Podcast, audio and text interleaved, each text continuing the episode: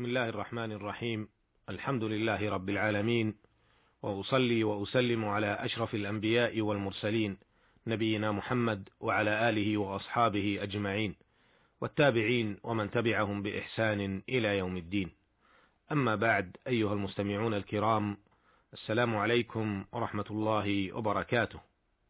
لا زلنا أيها المستمعون نتحدث عما رواه الشيخان رحمهم الله تعالى عن أبي موسى عبد الله بن قيس رضي الله عنه أن رسول الله صلى الله عليه وسلم بريء من الصالقة والحالقة والشاقة. وعن عبد الله بن مسعود رضي الله عنه عن النبي صلى الله عليه وسلم قال ليس منا من ضرب الخدود وشق الجيوب ودعا بدعوى الجاهلية فعرفنا في الحلقات السابقة أن الصالقة هي التي ترفع صوتها عند المصيبة وأن الحالقة هي التي تقطع شعرها وتمزقه من شدة الجزع والهلع، وأن الشاقة هي التي تشق جيبها أو ثوبها تسخطا على قضاء الله تعالى وقدره، وأن المراد بدعوى الجاهلية هي النياحة ورفع الصوت عند المصيبة، ومثله الندبة كأن يقول من وقعت عليه المصيبة يا مصيبتاه يا سنداه إلى آخر هذه الألفاظ التي تنبئ عن قوة الجزع والتسخط على أقدار الله تعالى. كما عرفنا أن هذه الأحاديث تفيد وجوب الإيمان بقضاء الله وقدره، وأن المؤمن عليه أن يؤمن بقضاء الله وقدره، وبهذا الإيمان الذي يحفظه في هذه الحياة وما بعد هذه الحياة.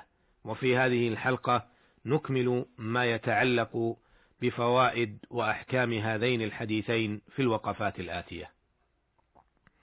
الوقفة الرابعة مما دل عليه الحديثان تحريم التسخط والجزع مما يصيب المسلم من مصائب في هذه الحياة التي مبناها على الكبد والمشقة ولذا ينبغي للمسلم أن يعرف موقعه من هذه موقفه من هذه المصائب وما يقوم به تجاهها لأجل أن يكون على بصيرة من أمره ودينه ويمكن أن يتلخص هذا الموقف بما يلي.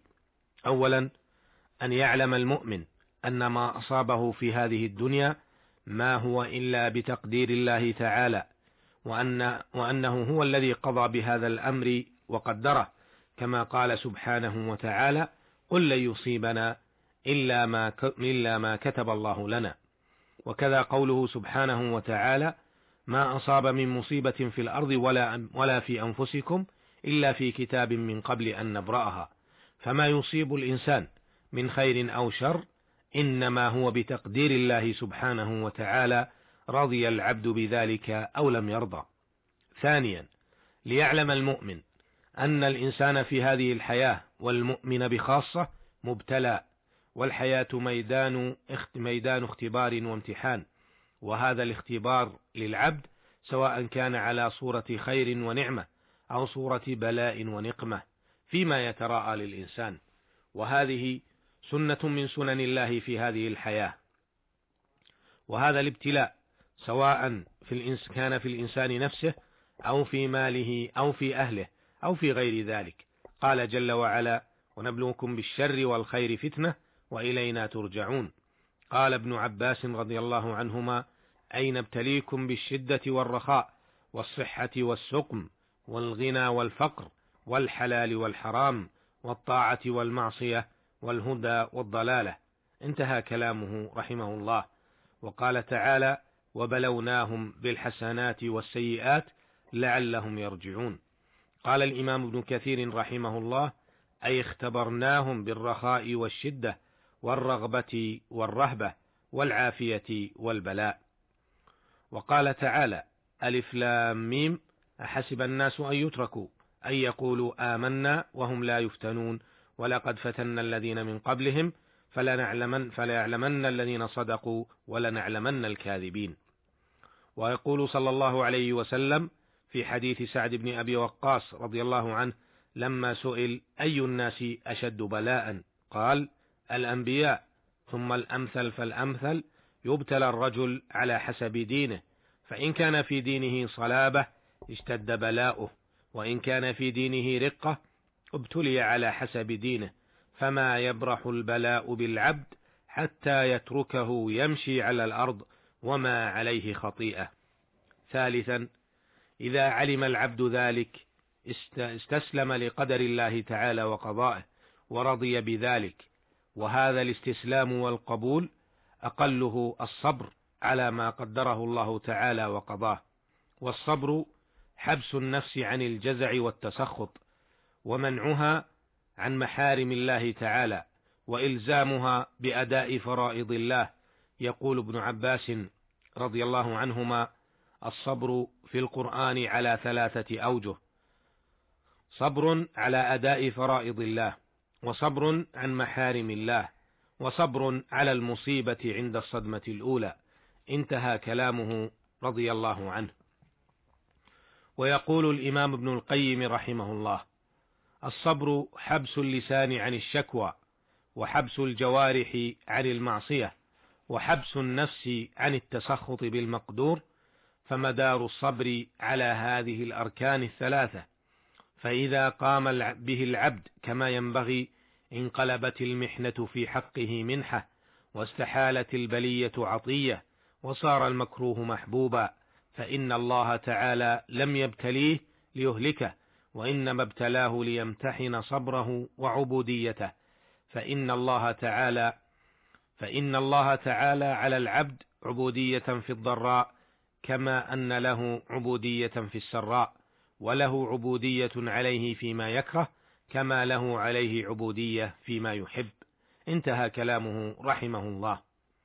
إذا علم هذا فأول ما يواجه العبد به المصيبة التي قدرها الله تعالى عليه وقضاها بالصبر.